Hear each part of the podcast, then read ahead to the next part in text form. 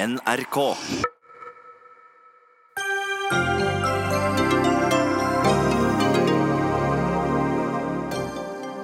Per Sandberg mener Fremskrittspartiet har seg sjøl å takke for den lave oppslutningen.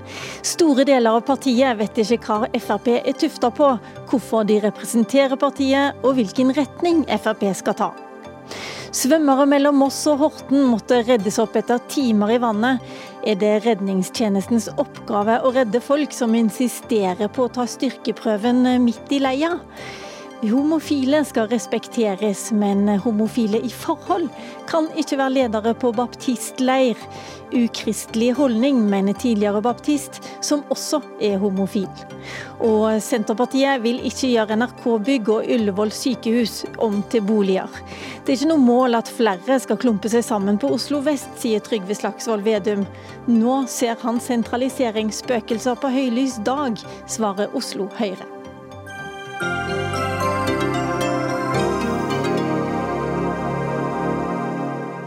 Velkommen til Dagsnytt 18, som i dag er ved Lilla Sølhusvik.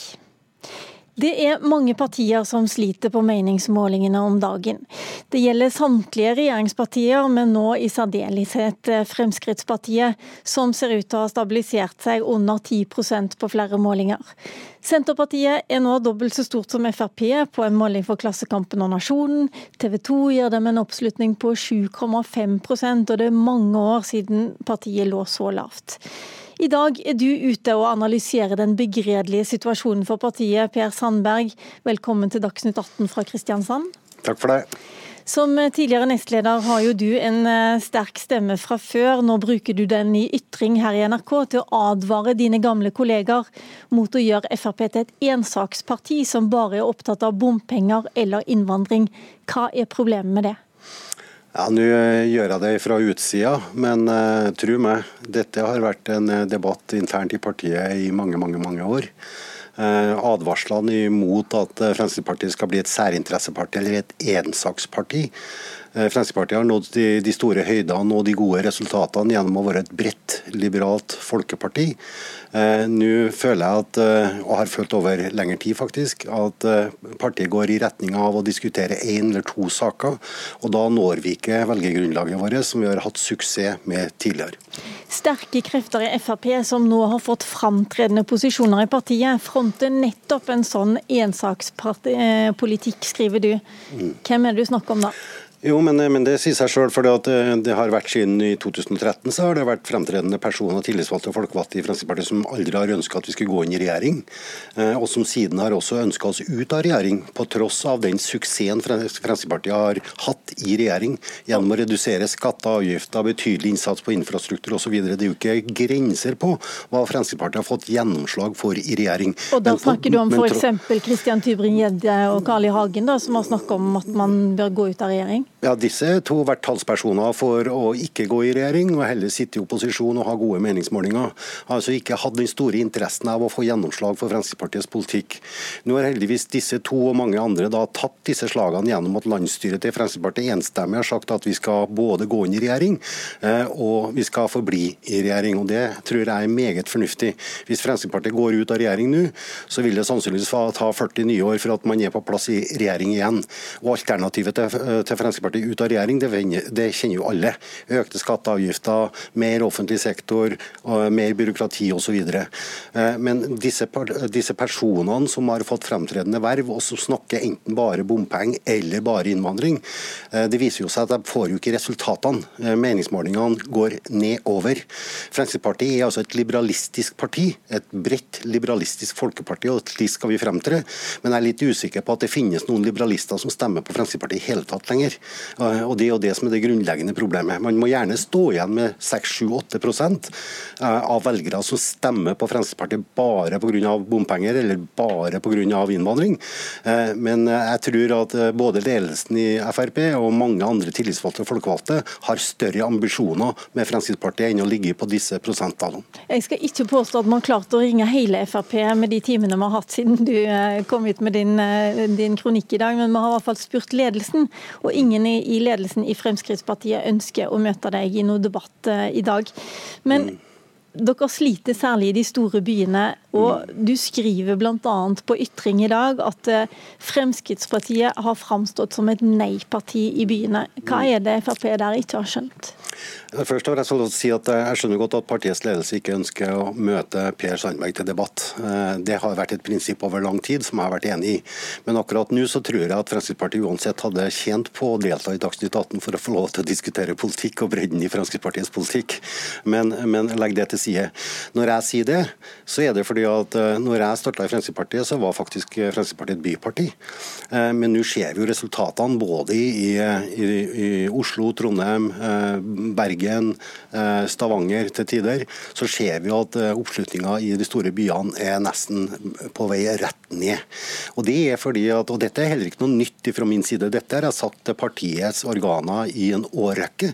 At vi fremstår som et nei-parti. Ikke nødvendigvis at vi er et nei-parti, men folkene, øh, øh, velgerne i store byene forstår oss som et nei-parti.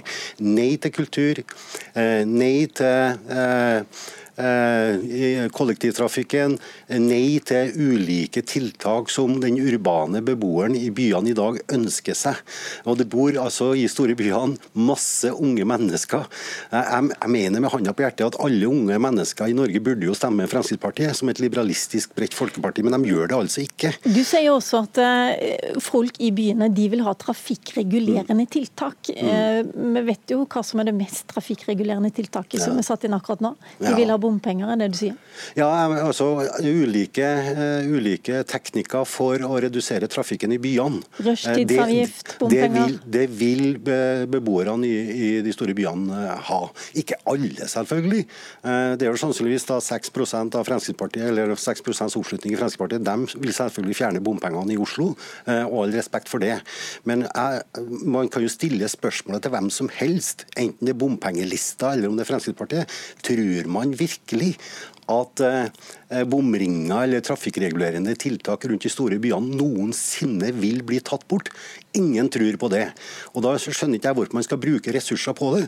Heller legge en ny struktur. La nå da de store byene finansiere kollektivtrafikken sin, veiutbygginga si, gjennom da ulike tiltak. Men lett resten av landet slippe unna denne type trafikkregulerende tiltak eller nye skatter og avgifter på veiene våre. Der, der veksten, eh, veksten, faktisk skjer i dag, og der at potensialet for ny vekst er til stede. Det er langs kysten vår. Vi har eksportveier som det er pålagt bompenger på. for å få bygd dem. Det er helt meningsløst. Disse skulle ha vært gratis. Eh, for et år siden så var du på Sørlandet, der du er med oss fra i dag også, og tilbrakte noen av de siste dagene dine som nestleder. Det er virkelig bare ett år siden du var nestleder i Frp og sto for all denne politikken som du nå kritiserer knallhardt, ikke minst eh, storbypolitikken. Nei, jeg kritiserer ikke på Jeg skriver også i kronikken at Fremskrittspartiet har løsninger på alt dette. Eh, og Det sa jeg også for et år siden. Det har jeg sagt til partiets landsmøte. Jeg har skrevet partiets handlingsprogram og politisk ideologi siden 2005. Fremskrittspartiet har løsningene på alt dette. Men så sier jeg i kronikken hvorfor i all verden får vi ikke den oppslutninga som, som, som, partiet faktisk fortjener ut ifra å ha denne politikken. Og Da sier jeg da er det jo ikke noe feil med velgerne. Det må være, være, noe feil med salgsapparatet. At vi ikke vi får profilert i større grad alle gjennomslagene våre i regjering. At ikke vi får velgerne til å forstå hvordan vår politikk, helhetlige politikk, fungerer. Ja, velgerne vet at vi er et innvandringsrestriktivt parti, men der også har man jo kommet til topps. Jeg har sittet og forhandla fram ja, sannsynligvis verdens strengeste innvandring- og flyktningpolitikk. Det er snart ikke mer å gå på. Det kommer snart ikke innvandrere til Norge. Jeg registrerer i dag en kronikk der at noen sier at eh, ja, hvor er innvandringen når Fremskrittspartiet trenger den eh, som mest? Eh, så det er klart at Å bruke da ressursene på det området, når vi har altså fått full suksess med å innføre verdens strengeste innvandringspolitikk, og det at majoriteten, 90% av Stortinget, da ønsker bompenger på en eller annen måte, hvorfor skal vi ta de tapte kampene når vi er det brede partiet? Jeg er sikker på at du kunne holdt på en halvtime til, men vi må avslutte der. Jeg har bare lyst til å spørre deg helt til slutt. Er dette et slags 'tusen takk for meg, nå er det jaggu meg nok', eller er dette en slags 'her er jeg, bruk meg'? Ja, altså jeg brukes hver eneste dag. Jeg har henvendelser fra både det ene og andre retningen. Dagene mine er fullt opp med arbeid. Men, For Frp? Eh, ja, for Frp også. Jeg mener jo denne kronikken er med på å styrke Fremskrittspartiet. Og den ville styrka Fremskrittspartiet betydelig i større grad også hvis man hadde deltatt i debatten. Eh, jeg husker på når jeg kom inn på Stortinget i 97, så var det jo nesten forbudt å si nei til en debatt i NRK f.eks. For, for å fremme sine polit for, politiske synspunktene. Men det er klart at eh, jeg, det er mange som, som ser at jeg er ferdig i politikken.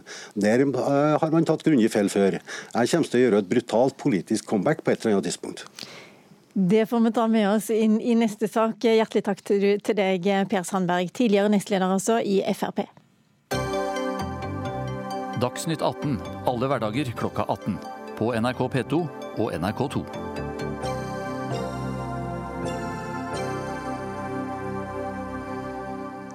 Skal vi tro ledelsen i Fremskrittspartiet, så vil meningsmålingene uansett bli langt bedre når regjeringspartiene endelig får forhandla seg ferdig om bompenger. Det sa nestleder, han som i dag er nestleder, Terje Søviknes til flere aviser denne uka. Og da går vi til den saken og de forhandlingene. Morten Stordalen, du er stortingsrepresentant og transportpolitisk talsperson for Fremskrittspartiet. Et av de viktigste poengene deres i disse forhandlingene som nå foregår, foregår med de andre regjeringspartiene, det er å fjerne dette målet om å begrense veksten i biltrafikk inn til byene. Hvorfor er dette så viktig for dere? Nei, Fremskrittspartiet mener at vi skal ta utgangspunkt i hva det egentlig handla om med, med, dagens eh, nullvekstmål, da, som ligger i disse byområdene. Eh, både store og mindre byer så mener jeg at det er liksom gårsdagens politikk. Fordi at det handla i 2012 etter klimaforlik på Stortinget, hvor Fremskrittspartiet ikke var en del av det. Men eh, etter resultatet av Parisavtalen så skulle man eh, se å få utslippene ned i byområdene og byene. Det er Fremskrittspartiet også for. Men eh, når vi ser den voldsomme økningen i elbiler, hybridbiler, nye biler som følge av at Fremskrittspartiet har vært med og satt ned avgiftene på nye bensin-dieselbiler, som også har et mye mye lavere utslipp enn det de hadde bare for få år siden, så ser vi at eh, utslippet er et av verdens laveste når det gjelder nybilsalg. Ingen stater eller land i verden har så lavt utslipp på nybilsalg som det vi har i Norge. Og Da mener vi at eh, så lenge utslippene går ned, så går de i riktig retning. Eh, og Da bør vi heller snakke om et utslippsmål istedenfor å definere et nullvekstmål. For det å ikke skal ha én en eneste bil til inn i byene, mener vi er feil fokus. Vi vil ha utslippsmål og fokus på utslippsmålet istedenfor antall biler. Men har dere ikke egentlig et utslippsmål allerede? Jo, men altså, For å nå det da, så handler det om å faktisk legge til rette for å selge biler i Norge som har et lavt utslipp eller nullutslipp, og det er det vi har gjort. Men så ligger det fra gammelt av, fra 2012, en forståelse av at eh, det måtte være null vekst på antall biler, istedenfor å snakke om utslippsmål. Eh, nå mener jeg tiden er inne for å gammelt, Du snakker om et gammelt mål her, men altså ja, det var en del av klimaforliket i 2012, men det var også en del av Nasjonal transportplan, som Frp stemte for. Og ikke minst, det var også en viktig del i eh, Granavolden-erklæringen, som Fremskrittspartiet var med å forhandle fram og vedta. Det er helt riktig, eh, og det er bra å ha gode mål. Men så mener vi at en målsetning den kan også realiseres på flere måter. Og det er sånn I Nasjonal transportplan så er det satt av utrolige, formidable og bra det, 66 milliarder kroner over tolv år for å hjelpe byområdene for å løse de trafikale utfordringene, hvor mesteparten går faktisk til kollektivtransport og gang, sykkel. Men så er det sånn at eh, når det selges så mye og kommet så mye bra nybil på markedet som har nullutslipp eller lavutslipp, så mener vi heller bør snakke om utslippsmålet istedenfor å telle antall biler.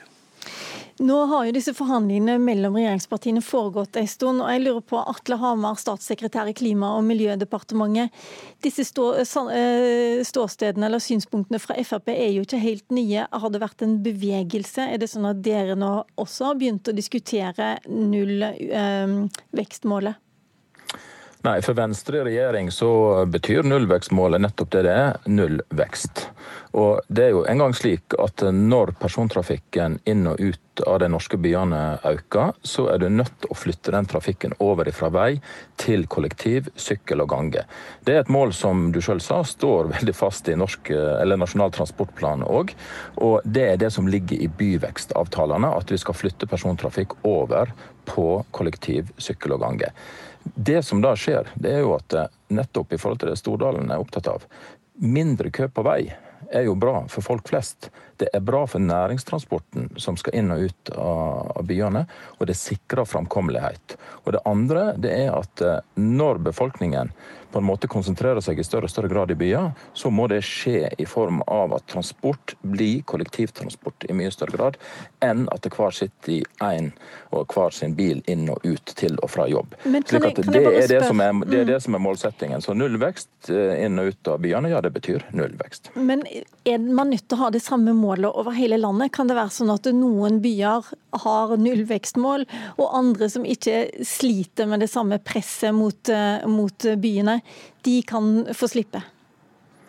Ja, det er jo sånn at Byvekstavtalene som eh, virkelig tar tak i dette med å transformere trafikk over fra vei til kollektiv, det gjelder nettopp de største byene der det òg er mest folk. Så er det jo slik at dette landet ikke, ser ikke likt ut overalt. Så noen steder, ja, der er det ikke enkelt å få til et kollektivtilbud som er tjenlig godt, fordi det rett og slett er for lite folk.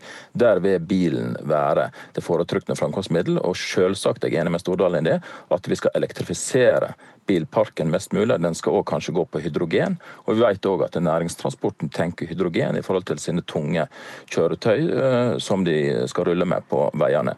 Så gul midtstripe, rassikre veier.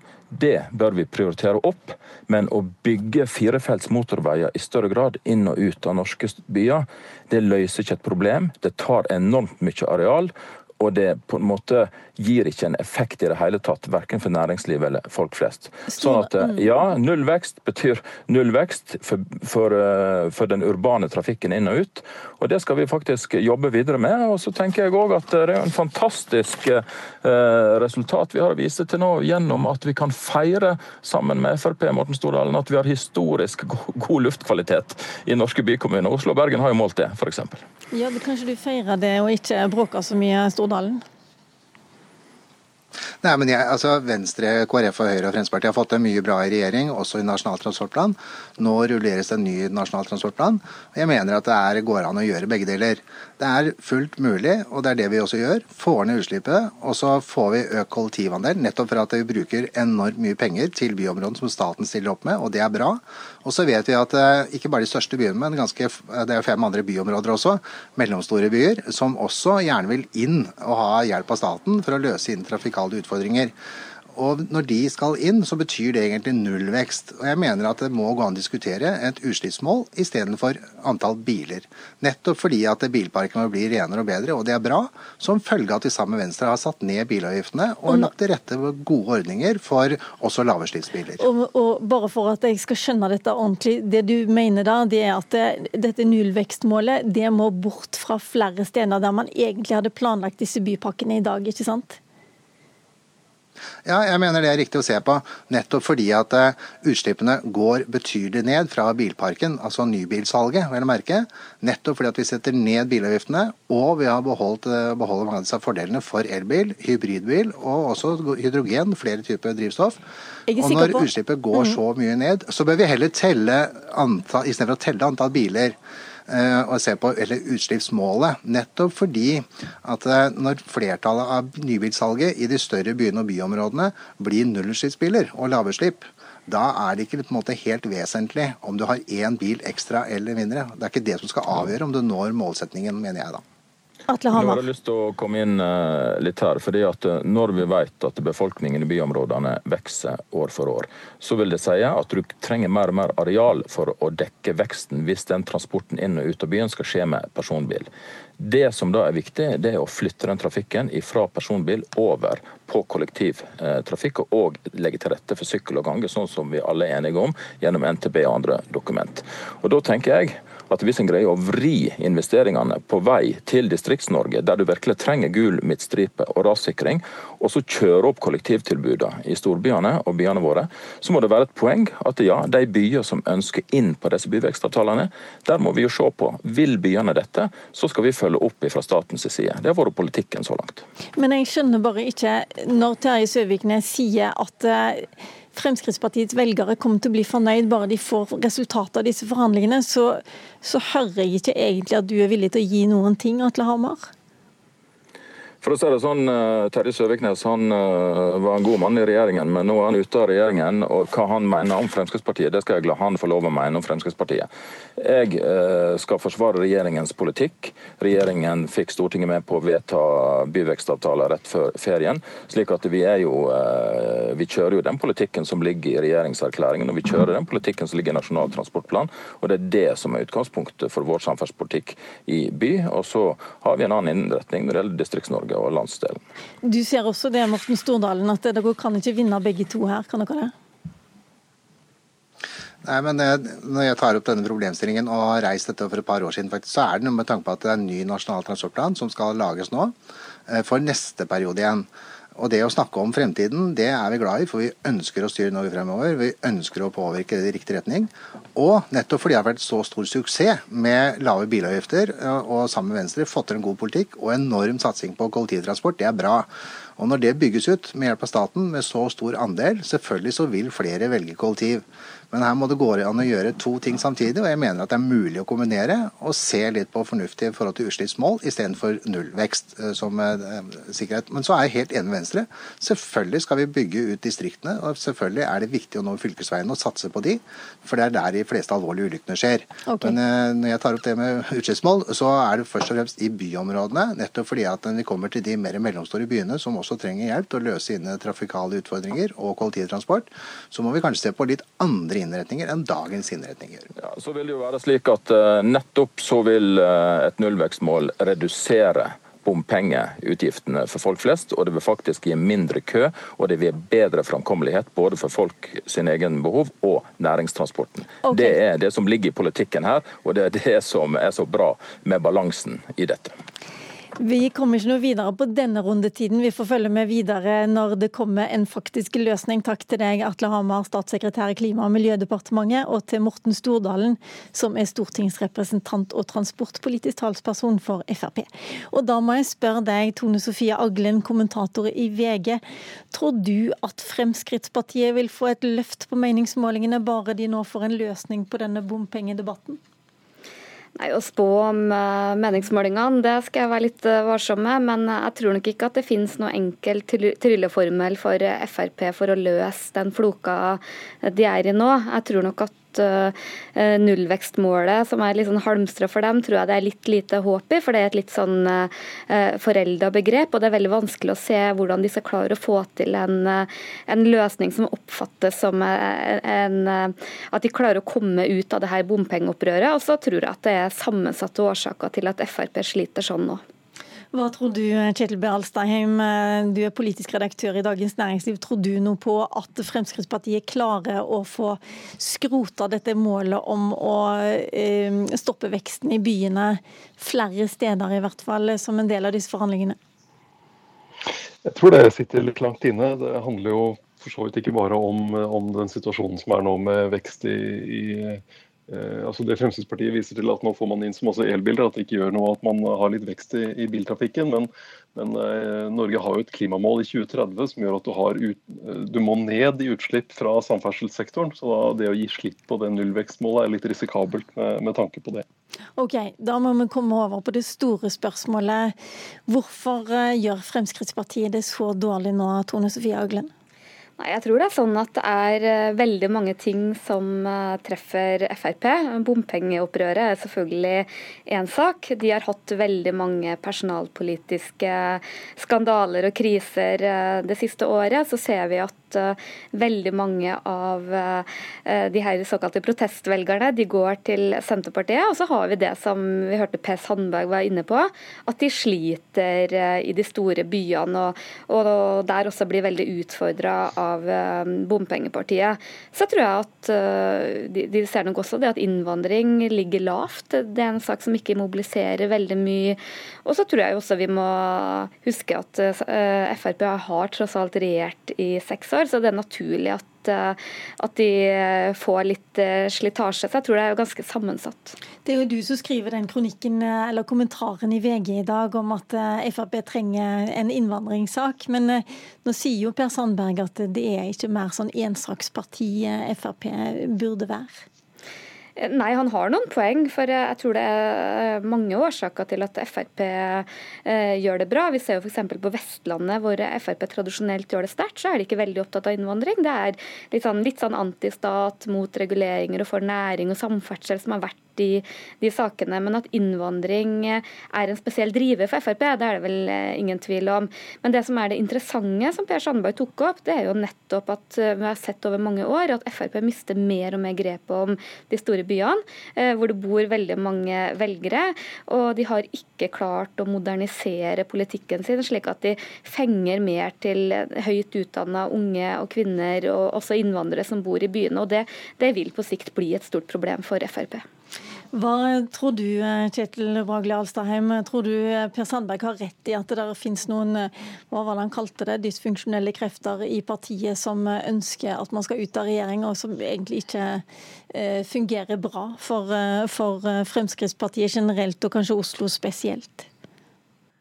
Ja, ja, de finnes jo i partiet. og Christian Tybring-Gjedde er jo en, en, talsperson i, i så måte, f.eks. Og Carl I. Hagen til tider. og Det, det de har, har, klart de siste par månedene, er jo på en måte å bekrefte at Fremskrittspartiet har et problem med bompenger, i stedet for å, å få frem hva uh, denne veksten i bompenger eh, betyr, nemlig massive samferdselsinvesteringer i store deler av landet, både i motorveier og i, i samferdselsløsninger rundt i byområdene, så blitt, uh, har de på en måte akseptert hele retorikken fra, fra disse bompengelistene og, og, gjort det til sitt eget problem. Så det er, eh, det er, litt den situasjonen de har havnet i nå. Og så er det jo noe med at eh, mange trodde jo at Fremskrittspartiet skulle få disse problemene eh, mye tidligere. For det var jo et protestparti som gikk inn i regjering. Og Siv Jensens store suksess er at hun har greid å gjøre det til et regjeringsparti. Og så har de på en måte greid, De er jo ofte blitt beskyldt for dobbeltkommunikasjon. At de både greier å være i regjering, og så være litt utenfor og bare halvveis ta ansvar for det de er med på. Og nå blir de holdt til ansvar for det de er med på når det gjelder bompenger. Men eh, skulle ikke bl.a. Eh, Sylvi Listhaug ta den rollen? Hun snakker jo ofte på vegne av folket, som i hvert fall sier sjøl, og, og, har hatt den delen av, av Fremskrittspartiet også som, som, kanskje har protestert mest i forhold til innvandringspolitikk og, og bompenger også. Det var jo noe av den jobben som Per Sandberg gjorde i partiet som nestleder, og når han ledet eh, programkomiteer og prinsipprogramarbeid og den slags, var at han greide å balansere dette ved både å være et, eh, et råskinn av en populist eh, i en del saker, men også å forsvare regjeringsprosjektet og det å inngå de kompromissene som du er nødt til å inngå når du sitter i regjering. Eh, det var, det var, derfor han, en av grunnene til at han var så viktig for Siv Jensen eh, i de årene han satt i ledelsen og, etter hvert også i regjering.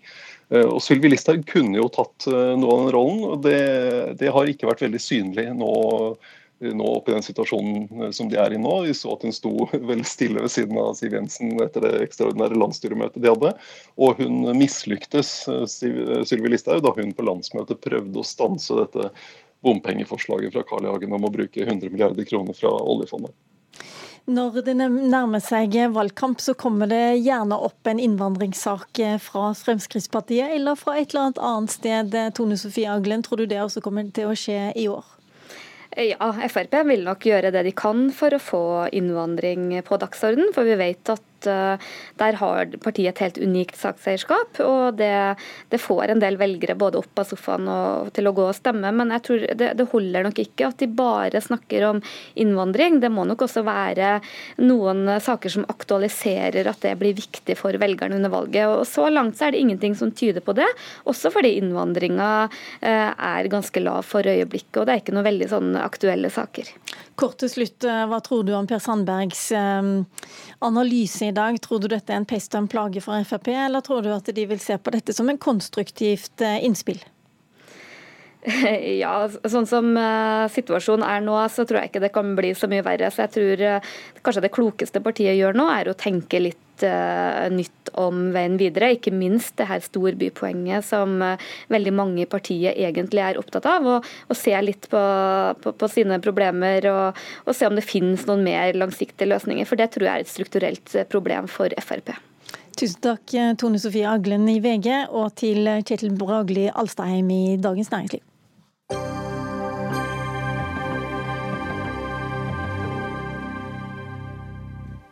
Organisasjonen Ung Baptist arrangerer sommerleir, men ledere som lever i likekjønnede forhold, får ikke være ledere på leiren. Det skriver VG i dag. I forkant av årets sommerleir for unge baptister er det nemlig sendt ut et informasjonsskriv til dem som skal være med, eller til lederne, og der står det Ung Baptist holder fram det livslange ekteskapet mellom mann og kvinne som den rette samlivsform. Det medfører at samboere eller personer i likekjønnede forhold ikke kan være ledere på BU-leiren. Og Erik Aasheim, du er journalist og forfatter, og tidligere aktiv medlem i Baptistsamfunn. Du reagerer på den formuleringen. Hva er det som gjør deg så veldig opprørt? Det som opprører meg mest, er at jeg tenker på, på, ungdommen, på de unge, på de unge som sliter, som også kanskje skal dra på denne leiren. Og eh, for det, det, du sa her, altså Én ting er å fortelle at eh, i år, altså det er første gang de gjør det, i 2019, det er første gang baptistungdommen sender ut slike retningslinjer, at er du homofil, samboer eller gift, så får du ikke lov til å komme som leder. Men i samme setning så sier de at men samtidig så er det viktig å ønske alle homofile deltakere velkommen og møte dem på en inkluderende måte. Og For meg er dette i, i beste fall hykleri. Eh, eh, for det man forteller da ungdommen, de homofile, som kanskje kommer på denne leiren, og de kommer også på kristne ungdomsleirer, mange homofile, det man da sier er at eh, velkommen på leir, men du er ikke god nok. Du er ikke like god som oss. Du er ikke verdig nok til å være leder. Men velkommen på leir, og det vi tilbyr deg, det er et B-medlemskap. Og jeg tror ikke de aner hva slags signaler de sender ut til unge mennesker i en sårbar situasjon, som prøver å finne seg selv, lete etter hvem de er. Eh, jeg har selv vært i den situasjonen. Jeg har vært på mange slike ungdomsleirer og syntes det var kjempevanskelig. Hadde jeg fått en sånn beskjed den gangen Jeg ville jo blitt altså, altså jeg vet ikke hva slags konsekvenser det kunne fått. Og For meg er dette altså oppsiktsvekkende at uh, baptistungdommen velger å bruke ordet inkluderende i samme setning som de forbyr uh, homofile å være ledere. Det har ikke lykkes eh, Dagsnytt 18 å komme i kontakt med daglig leder av Ung Baptist. Men du støtter synet som står i dette brevet til homofile ledere. Magna Mæland, du er hovedstyreleder i Det norske baptistsamfunnet. Hvorfor mener du det er riktig å sende ut et sånt brev? Det, vi skjønner at dette er veldig vanskelig, og vi har ikke noe ønske om å ramme enkeltpersoner. Men det er altså sånn at når vi arrangerer noe, så må vi ha noen felles retningslinjer eh, som alle kan være enige om. Og Baptistsamfunnet er et meget flerkulturelt kirkesamfunn. Vi har Bibelen som utgangspunkt for tro, liv og lære. Og selv om vi ønsker å gå så langt vi kan i møte med enkeltmennesker, så finner vi ikke at Bibelen samlivsetisk åpner opp for f.eks. samboerskap eller likekjønna forhold. Og Da ser vi det som en plikt å gi en veiledning på dette. og Vi må ha en kjøreregel som gjør at dette leirfellesskapet, som er et meget mangfoldig fellesskap, kan fungere. Dette er ikke det er første gang man kan ikke sende ut dette brevet, men dette bygger jo på en praksis som vi har hatt i, i alle år og som også er i tråd med det den store delen av både den norske eh, kirka i Norge, eller kristne i Norge, og særlig den verdensvide kirka mener. Men Kan du forstå det som Erik Aasheim eh, framholder her, nemlig at det, i neste setning står det at eh, ja, man skal ta godt imot de som er homofile, og være inkluderende også, samtidig som man sier at men ledere, det kan de ikke være? Ja, jeg, jeg forstår at dette, dette, dette, kan oppleves som dobbeltkommunikasjon, men det er altså ikke sånn det er tenkt. og Det er heller ikke sånn vi lever i praksis. så vil jeg påstå at våre menighetsfellesskap er både rause og inkluderende, men vi, vi fastholder altså at, at, ut fra de valg man gjør og den livssituasjonen er i, så kan ikke alle ha lederoppgaver til enhver tid. Dette er ikke raust og Jeg må si at dette er ikke raust og inkluderende, eh, Magna Mæland. Med all respekt å melde, så er det ikke det. Eh, og når du sier at dette er noe de fleste er enige om baptistsamfunnet, det er jo også helt feil. Det har du ingen dekning for å si. Eh, for det er et viktig baptistisk prinsipp, og det burde en teolog som Magna Mæland vite om, et viktig baptistisk prinsipp som er slik at hver menighet av de 104 menighetene selv bestemmer hvem som skal være ledere, hvordan menigheten skal styres, eh, og også hva de skal, hvor rause og åpne de skal være i ulike teologiske spørsmål. Så det man gjør her, er å overstyre de lokale menighetene og fortelle dem hvem de får lov til å sende som ledere. Jeg har fått masse telefoner, SMS-er, eh, meldinger i dag fra folk i ulike menigheter som er opprørt over dette, og som kommer til å ta denne saken videre. og Dette her er, kommer til å bli en stor debatt også internt internt i baptistsamfunnet. Har du fått sånne meldinger, Magna Mæland? Eh, ikke mange, men dette er en pågående debatt, og den har vi hatt i over 20 år i Kirkesamfunnet. Så dette er ikke noe nødt. og Vi kommer nytt, rett fra et landsmøte i Tromsø hvor denne saken har hatt stort fokus. Baptistene i Norge veldig, ser veldig ulikt på dette synet. Men det er noen prinsipp som bryter mot hverandre her. Det er helt rett som Erik Aasheim sier, at hver baptistminister er selvstendig og gjør sine valg. Men vi er òg et fellesskap i et forpliktende fellesskap. og Da må vi ha noen kjøreregler. og Jeg skal ikke diskutere hvem som kjenner baptistsamfunnet best, men jeg har en 30 år snart hatt aktiv tjeneste her, og min opplevelse er at flertallet av baptister står fortsatt på et tradisjonelt syn på ekteskapet. Og så er det en del, noen progressive stemmer som tar mye plass, og så er det en del som er usikre. Men jeg må jo også spørre deg, Erik Åsheim, Det er mange år siden du sjøl meldte deg ut. og Det mm. var bl.a. etter at du hadde stått fram som homofil, og på bakgrunn av de eh, Dette har jeg lest meg til i dag. På de reaksjonene du fikk da. Er det 30 år siden? Det er 30 år siden, ja. ja. Hvordan klarer du å bli fortsatt eh, opprørt og fortsatt overraska over eh, holdningene som da kommer fra ledelsen? Fra jeg var født til jeg var 21 år, så tilbrakte jeg, tilbrakte jeg mesteparten av min tid i Baptistsamfunnet. Jeg hadde en fantastisk uh, tid der. altså Opplevde det som raust og åpent. Hele min familie er med. Min mor av, vært leder av hovedstyret, en post som Magnar Mæland har nå. Den hun for, var hun for 30 år siden, så der var det også kvinnitet veldig tidlig i, i, i, i norske samfunnet. Så Baptistsamfunnet har alltid vært åpne, rause. og det jeg opplever opplever nå, er at eh, Men Var ikke det derfor du meldte deg ut? Fordi du ikke opplevde dem som åpne og rause? Det gjorde jeg for, for, for, 30 år siden, men samtidig så opplever jeg at det har skjedd mye. Det har vært debatter, det har vært bevegelse, jeg har sett at det har vært store endringer. Og så ser vi nå at de konservative nærmest klarer å kuppe ungdomsorganisasjonen og måtte styre det over i en, i en for meg ganske fundamentalistisk konservativ retning. Og det syns jeg er veldig trist. Og at Magna Mella sier at flertallet av baptistene er enig i dette, det tror jeg ikke noen ting på. Og denne saken kommer til å fortsette fortsette. Magna Mæland, er det de med strengest teologi som skal bestemme? Nei, det er ikke det. Saken kommer til å fortsette, det er Erik Aasheim helt rett i. Eh, men jeg tror han bommer helt i sin analyse av baptistsamfunnet. Særlig når det gjelder vår barneorganisasjon, så er nesten halvparten av medlemmene av annen etnisk opprinnelse enn norsk. Det er en helt annen situasjon i kirkesamfunnet i dag enn det var for 30 år siden. Og mens de fleste andre kirkesamfunn i Norge har gått i liberal, eller ikke flere, flere andre kirkesamfunn har gått i liberal, progressiv retning, så har altså baptistsamfunnet gått i en annen retning. Vi er blitt mye mer flerkulturelle. Vi har et stort spekter. Men flertallet, både av de norske og de innvandrerbaptistene, har et restriktivt syn i, i, i, i samlivspolitikken. Det kan Erik Aasheim og andre like eller mislike, men sånn er iallfall landskapet. Og vi må begynne med å diskutere ut fra der vi er. Vi respekterer alle andres rett til å mene, men vi ber faktisk om rett til at vi som et kristent trossamfunn må få lov og rett òg i et liberalt og tolerant 2019 og framover få lov å framheve det som vi mener er vårt Bibelens syn. Og vi, jeg har utfordra liberale teologer mange ganger på om hvis de kan gi meg en bibelsk begrunnelse som henger sammen, så skal jeg så skal jeg iallfall forstå hvordan de tenker, men, men, den har jeg så langt ikke møtt. Og da må jeg stå fast sammen med flertallet av andre. Vi gjør det ikke fordi vi vil være slemme med noen. Og Det du sier der er veldig, synes jeg er veldig lite samlende når du tross alt er øverste leder i baptistsamfunnet. Men jeg vil bare legge til at de aller fleste kirkesamfunn, sist nå metodistene, som står veldig nært baptistene, har klart å bli enige om at vi skal klare å leve med to syn. Og det er det jeg ønsker at baptistene også skal klare i 2019. Å leve med at vi er uenige, men at det er plass til alle. Er det i endring? Nå er det en baptist i en menighet i Bærum som lever i, i homofilt samliv, Mæland? Vi er i endring. Dette er jo ikke statiske spørsmål. Og ting utvikles. Debatten den pågår, den kommer til å pågå. Den har gått intenst i, i 20 år. Hvor veien går videre, det vet vi ikke, men vi må ta på alvor de vi er. Og vi er et helt annet sted enn Den norske kirke og Metodistkirken. Vi har et flertall av menigheten og medlemmene. og Det ber jeg å bli trodd på. Jeg har reist rundt i dette kirkesamfunnet og vært veldig sentral i mange lederposisjoner i 20 år. Står for et tradisjonelt syn i samlivsetikken. Det er der vi er. Det er vårt utgangspunkt. og vi, vi må selv ut fra en overbevisning eventuelt endre syn.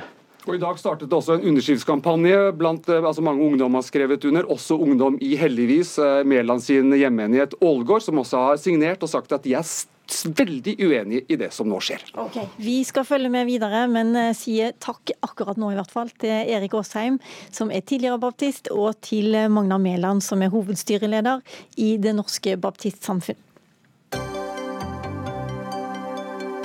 Hør Dagsnytt 18 når du vil. Radio NRK.no.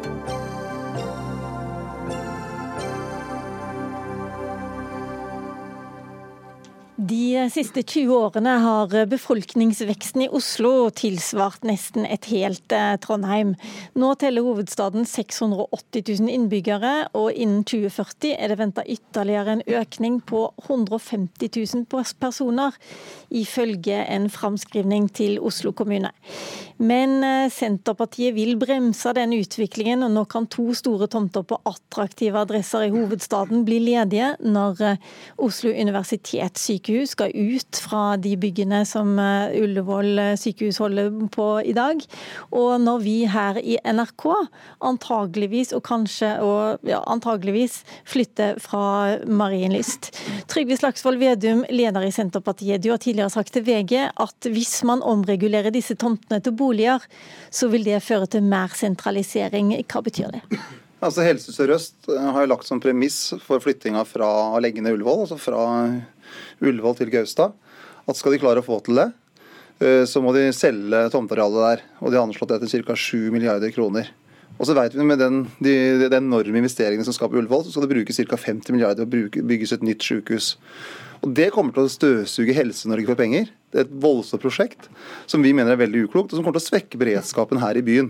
Og Vi får et dårligere trøvemiljø, et dårligere akuttmiljø, som skal ødelegge det sykehusmiljøet. Og så kan finansiere den flyttinga med å bygge masse tomter. Og Når man ser da tomteutbygginga på Ullevål, og her på Marienlyst sammen, så legger man da som en premiss at skal da staten Norge, da, som skal finansiere to store utbygginger, så må man sentralisere 14 000-15 000 mennesker som skal bosette seg da på eh, den mest sentrale delen av Oslo vest, altså Majorstua Ullevål. Og vi mener det er uklokt. Vi bør heller ha grøntarealer, friarealer, eh, litt variert, eh, variert by. Og så mener jeg at det hele Ullevål-prosjektet i seg sjøl er et dårlig helsepolitikk og det er dårlig bopolitikk. Og det kommer til å føre til sentralisering både av helsepenger og av folk. Men nå skal ikke vi diskutere akkurat Ullevål-prosjektet, vi skal diskutere boliger. Og Eirik La Solberg, Høyres gruppeleder i Oslo bystyre. Hvorfor er det så viktig for dere å bruke NRK-bygget og Ullevål sykehus til boliger? Først vil jeg si at det er en ting jeg er enig med Slagsvold Vedum i, at det er at når vi bygger ut i Oslo, så må vi ha grøntområder, vi må ha varierte boliger. Men det som bør avgjøre om NRK-tomta skal bygges ut til boliger, eller om Ullevål-tomta skal bygges ut til boliger, er jo hva som er riktig for NRKs utvikling, og hva som gir det beste helsetilbudet i Oslo. Det må ikke være Senterpartiets forsøk på det jeg kan kalle en omvendt distriktspolitikk, som gjør at det skal bli dyrere å bo i Oslo, og på den måten presse innbyggerne ut, eller de som kanskje har behov for å bo i Oslo fordi de har fått seg en jobb, eller til og med har lyst til å bo her, det er en ganske trivelig by, uh, ut. Fordi det Slagsvold Vedum i sa i et intervju i VG, var at han ønsket å bruke dette som et virkemiddel for å hindre sentralisering, som han kaller det. Men eh, det dreier seg veldig ofte om at mange innbyggere i Oslo ønsker å kjøpe seg en ny bolig. Kanskje de har blitt en til og har lyst til å kjøpe seg en større bolig. Noen flytter til byen. og Da trenger vi nye arealer, da trenger vi nye tomter. Og Hvis konklusjonen blir at det er best for NRK å flytte ut, og det er best for helsetilbudet i Oslo at uh, Ullevål sykehus flytter et annet sted, ja, så bør vi bygge boliger på de områdene, fordi det vil bidra til å bremse prispresset. Når Senterpartiet sier at de ikke ønsker å bygge det på de boligene omtrent uansett, fordi de er motstandere av å bygge nye boliger i Oslo, eh, så vil det øke prispresset, og det vil gjøre det mye vanskeligere for folk å etablere seg. Og Det er rett og slett et Oslo-fiendtlig forslag. Oslo-fiendtlig forslag, Vedum. Er det egentlig det du ønsker, at vi, vi, som bor i Oslo skal betale mye høyere for boligene våre, sånn at vi egentlig har mer lyst til å flytte til distriktene? Det mest Oslo-fiendtlige synes jeg er å legge ned Ullevål sykehus. Og det er Høyre i regjering som har pressa på for det prosjektet, og Bent Høie som statsråd og nestleder Høyre som har pressa på for det prosjektet. Og det koster masse, masse masse penger å bygge et nytt sykehus. Og da har da den eh, markedslogikken sagt at da må vi bygge ut attraktive tomter der. Og det skal da brukes da 7 milliarder kroner, da, anslår Helse-Norge, på, på, å bygge ut tomter da. Eller få betalt de 7 milliarder kronene. Og jeg mener det er så... Men hørte, hørte du spørsmålet? Jo, det jeg lurer på det om du egentlig syns det er himla greit at eh, prisen i Oslo går opp, sånn at folk eh, får lyst til å flytte andre steder? Ja, men det vi vet da, altså i det har vært masse debatter rundt uh, utvikling av Oslo by. Og Byrådet i Oslo uh, klargjorde her i mars at det var ca. 24 000 tomter som er regulert til boligformål i Oslo. Men de ligger jo selvfølgelig ikke på den mest attraktive plassen med høyest kvadratmeterpris kanskje i hele Norge, og det er Marienlyst her vi er nå. Det er på Ullevål her vi er nå, det, som er rett i nabolaget, som er kjempedyrt, veldig attraktivt. for en stor eiendomsutvikler så er det kanskje noe av de mest lønnsomme områdene du kan bygge ut. Så Det er masse tomtearealer i Oslo, det er masse mulighet til å bygge ut eh, boligareal. Og de boligene som kommer til å bli her eventuelt, da, på Marienlyst eller på Ullevål, blir blant landets desidert dyreste boliger. og det kommer ikke til å være noe sosialt boligbyggeprosjekt. Det kommer til å være et eiendomsspekulasjon. Og så må man ha den eiendommen Det var et veldig langt svar, men jeg hørte ikke noen sted at du svarte på spørsmålet. Ønsker du egentlig litt høyere boligpriser i Oslo? Jeg svarte jo at det er 24 000 eh, det er, Ifølge byrådet i Oslo så er det regulert tomter til 24 000 boliger. Og Det er jo da i deler av byen som ikke er så dyrt å bygge på. mange av de dommene. De, Eirik Lars Solberg skal heller bygge ut et annet sted? Nei, men Det er jo regulert allerede. Og så er det, Her er det som en premiss da, for å finansiere statlige utbygginger at 14 000-15 000 mennesker skal flytte til Oslo vest. Og Jeg tror det er uklokt òg, fordi vi ønsker å ha en god by, en variert by, en grønn by. Ikke tette mest mulig folk sammen på minst mulig areal. Og Sankthanshaugen Høyre har jo sjøl vært ute og sagt at de ikke ønsker å bygge ned Ullevål, for de ser at det er den bydelen i Oslo som har minst grønt areal. Og de ønsker å ta vare på Ullevål som et godt sykehus. Så de som brenner for et godt sykehus, bør stemme på Senterpartiet. De som da er ute... Det er vel, men det er vel et poeng her, Solberg, at uh, verken NRK-ansatte eller sykepleiere på Ullevål har råd til å bo i disse boligene som skal bli? Ja, men Vi trenger jo alle de boligene. Vi trenger de over 20 000 regulerte boligene som Vedum viser til. Men vi trenger også flere nye boliger. For Hvis du fjerner den muligheten, hvis de da skal flytte, det er jo ikke avgjort ennå, men hvis de skal flyttes og fjerner den muligheten for at det skal bli nye boliger i dette området, så vil det presse prisene opp. Ikke bare her, men over hele byen. Og Jeg vil egentlig anbefale Slagsvold Vedum å bli litt bedre kjent i den byen han eh, tilbringer så mye tid i. Altså I det området vi sitter i nå, så ble det bygd ut mange, ganske trivelige, men mange blokker på 30- og 40-tallet før den forrige, eller kanskje for runden før der igjen, med kommunesammenslåinger. Det er områder og boliger som det i dag bor sykepleiere i, det bor lærere i dem, det bor folk som jobber i private bedrifter. Helt vanlige mennesker. Og det er klart at Vi trenger flere sånne boliger når folk har lyst til å bo i Oslo. Og folk har lyst til å bo i denne byen. Dette er en ganske trivelig by, og da bør vi ikke gjøre det vanskeligere for dem å skaffe seg sin egen bolig. Altså Én verdi Høyre og Senterpartiet har stått sammen om i veldig mange år, og det er verdien av å eie sin egen bolig, enten det er et gårdsbruk, en leilighet eller et hus. Og Da bør vi gjøre det lettere for folk å skaffe seg den boligen. Ikke som du egentlig foreslår, å bremse boligbyggingen. La være å bruke statlige tomter til boligutbygging, nesten uansett. Og, og på den måten presse prisene opp. Så jeg kunne godt tenke meg å spørre Vedum også om dette er et prinsipp som også gjelder for andre statlige eiendommer. Det er f.eks. Veterinærinstituttet skal vi, skal vi flytte. Fordi veterinær, og Da blir det ledig en tomt der. Skal brukes til mye. Idrettsanlegg, men kanskje også noen boliger. Det kan være andre tomter som bør okay, bygges ut, som staten eier. Altså, her er det jo to konkrete prosjekt. For det første så er det ved Ullevål. Helsepolitisk mener vi det er eh, veldig uklokt. Og så det andre er NRK Marienlyst. Og Det som har vært en utfordring for Oslo, sånn som vi ser det, er at man har tømt de, sånn som Nasjonalgalleriet, gamle, viktige nasjonale bygg for innhold. Uh, og så glemmer man det prinsippet som staten Norge har at den beste måten å verne bygg på, det er å bruke bygg. Og Det er jo det som er tenkninga også her på Marienlyst, at man skal først skal tømme det, og så skal man fylle med noe nytt innhold etterpå. Og Da må jo staten veldig fort fylle på med noe av det nye innholdet, også en del av de gamle delene av NRKs bygningsbase. Er du motstander av, av at staten skal selge eiendom i Oslo? Ja, og altså, bruke det til boligutbygging? Fordi det, det er et ganske viktig spørsmål. Er du motstander at staten skal bruke, selge eiendom, og at det kan brukes til boligutvikling hvis de eier i Oslo? Ønsker du å bruke statens eierposisjon som et distriktspolitisk virkemiddel? Vi i Senterpartiet er et pragmatisk parti, så, så selvfølgelig er det sikkert eh, altså Staten Norge eier mye, så noen ganger så vil det sikkert det skje. Veterinærinstituttet, som vel Senterpartiet sto bak, at det skulle flytte til Ås, ja, hva, hva skal det brukes til da? Kan det få brukes til boliger? Altså Det har ikke gått satt på godt nok inn i før debatten godt, at det kan være bra boligområder på det. Eh, og, men Og det er som- også historiske bygninger, veldig flott område. Ja, det kan godt hende, men da må jeg sette mer inn i det før jeg skal debattere. for Jeg kjenner ikke godt nok den bygningsmassen. Jeg kjenner bedre til NRK og Ullevål, som er en stor debatt akkurat nå. Og Det som er den prinsipielle siden med det også, er jo nettopp det at eh, når du f.eks. ser Mar- Marienlyst, og du skal få mange milliarder kroner for det, det, det bygget, så sier jo NRK sjøl at det er hele premissen for at de skal kunne bygge et nytt bygg i Oslo. Og det er den måten å tenke på jeg mener er så gæren at premissen for å bygge ut nye store prosjekter i Oslo er at du skal bruke det som til eiendomsspekulasjon istedenfor å ta vare på og videreutvikle de historiske bygningene det er. Sånn som Marienlyst har hatt en Det har bundet Norge sammen. Det er et nasjonalt symbol. Og vi syns det er litt historieløst at man sier vi kan bare selge bygget. Dere må fylle det med noe nytt innhold. eh, For vi kan heller eh, bygge boliger der. Og der Og man tror- får vel når vi ser- egentlig- Et lite øyeblikk. Eh, Lars Solberg, det er vel også sånn at et konservativt parti som Høyre normalt ville tenkt at eh, man kan eh, bevare bygninger ved å la dem bli brukt. Definitivt. Og det finnes også gode eksempler på at bygninger kan brukes til andre formål. Eh, Et eksempel er jo Pilestedet Park, der Rikshospitalet lå før. Brukes i dag til mange nye boliger. Eh, Et, et annet eksempel fra en by på Østlandet, Drammen. Det var, I tidligere tider var det masse papirfabrikker som nå har blitt boliger og bibliotek. Papirbredden. Det kan, også, det kan tas vare på gjennom bruk, men det kan også endre bruken etter hvert. Eh, Og Det jeg dessverre ikke fikk noe svar på, var om Senterpartiet er generelt motstander av at statlige eiendommer skal kunne utvikles til boliger i Oslo. Eh, og Det virker på meg nesten som det er et mål i seg selv å drive eiendomsprisene opp for å gjøre det vanskelig for folk å slå seg ned i Oslo, og på den måten tvinge dem til å bo et annet sted. Jeg syns folk skal få lov til å bestemme selv. Jeg. Det er veldig trivelig å bo utenfor Oslo, men noen av oss liker å bo i Oslo. Det er en veldig trivelig by. Kanskje vi skal legge til rette for at innbyggerne i dette landet skal få bestemme selv hvor de skal bo, og ikke bruke statens eiendommer for å presse dem ut. Det er det som er hele Senterpartiets mål. At vi skal ha valgfrihet. og Det er derfor vi er så kritiske til den sentraliseringspolitikken som regjeringa fører, med at man mister grunnleggende tjenestene nært der folk bor rundt omkring i, i hele landet. og Lars Solberg har sjøl vært statssekretær og bidratt til å tvangssammenslått kommuner. Men poenget i Oslo men poenget her, i, poenget her i, i, i Oslo er jo at vi må ha en variert grønn by. Altså Vi har en veldig flott hovedstad. Øh, Og så har vi en del viktige bygg. Og En del av den nasjonale identiteten i Norge er f.eks. NRK og Marienlyst. Det er en del av vår felles arv. Og jeg syns det blir så historieløst når NRK bare sier nei, vi kan bare selge det bygget.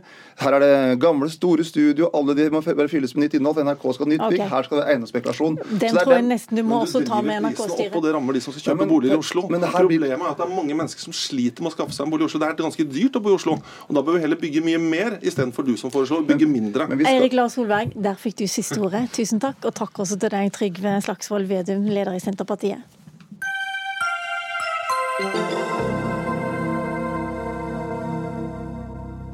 Omtrent 150 personer hadde meldt seg på Open Water Horten-Moss i helga.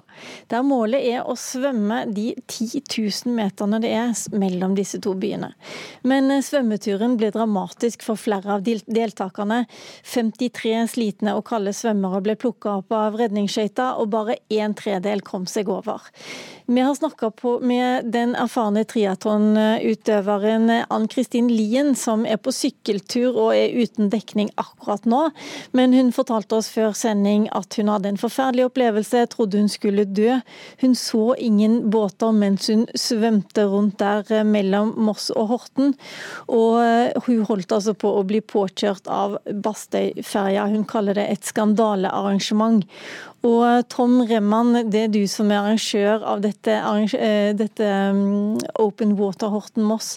Hva var det som gikk galt? Det stemmer. Vi har eh, kjørt eh, Open Water Horten-Moss i eh, seks år. Og i år så var det røffe forhold ute i fjorden. Og dessverre så har vi hatt noen episoder som gjør at noen folk, da, noen svømmere, ble litt redde. Og det må jo vi da bare se på hvordan vi kan eh, prøve å unngå det da til neste år, slik at vi kan legge opp utøverne og legge de klare til å møte den utfordringen som det er faktisk å svømme Horten-Moss. Men, vi må men, bare mm. jobbe videre med det. Kan jeg bare spørre, hva, hva er vitsen med å svømme fra Moss til Horten, eller omvendt? Horten-Moss er en, en, klassisk distanse som er svømt helt fra siden, siden 1936. og det er vel den mest kjente svømmedistansen i Norge. Og vi har hatt nå en økning på 120% og Eh, under, dagens, under, søndagens forhold, så, så var det eh, også en del svømmere som, eh, som vi ser burde ha varslet enda tydeligere på at dette her er en, en, en tøff konkurranse. Vi har vind, vær, strøm som gjør at det blir mye eh, krefter som går til spille når man ikke har fart nok til å svømme i den retningen man skal. Her i studio så har jeg med meg Ronny Jåsund Pedersen, du er beredskapssjef i Redningsselskapet. Dere måtte også plukke opp 53 av svømmerne. Hvor dramatisk var dette her? Det var etter forholdene ganske dramatisk. Eh, Redningsselskapet jobber hver eneste dag med, at, eh, med formålet om at ingen skal drukne. Eh, og Derfor mener vi at det var rett av oss også å reagere litt på den, den, det arrangementet her. En av våre redningsskøyter måtte plukke opp 53 personer, hvor mange av de var, var engstelige og til dels utmattede. Noen ville også fortsette svømmingen. Men det var helt klart en, en alvorlig situasjon som på et tidspunkt kom ut av kontroll. Hva var det dere reagerte på? Hva var det som burde gjøres? Det er klart, eh, Dette stedet er jo krevende i seg selv å, å svømme. Det er, eh, man har nyttetrafikk, man har fritidsbåttrafikk, man har vær og man har ikke minst strøm. Eh, kombinasjonen av alle disse tingene gjør at det er en høy risiko å svømme over her. Konkret hva arrangøren har gjort i forkant, det kjenner jeg ikke til. Men det er uten tvil om at dette arrangementet på et eller annet tidspunkt gikk litt ut av kontroll. Det Noen av dem forteller er at de ble liggende der ute i sjøen og trykke på eller se på GPS-en og se seg om, om etter båter som ikke var der. Det høres ikke ut som dere var godt nok forberedt, Tom Tom Remman?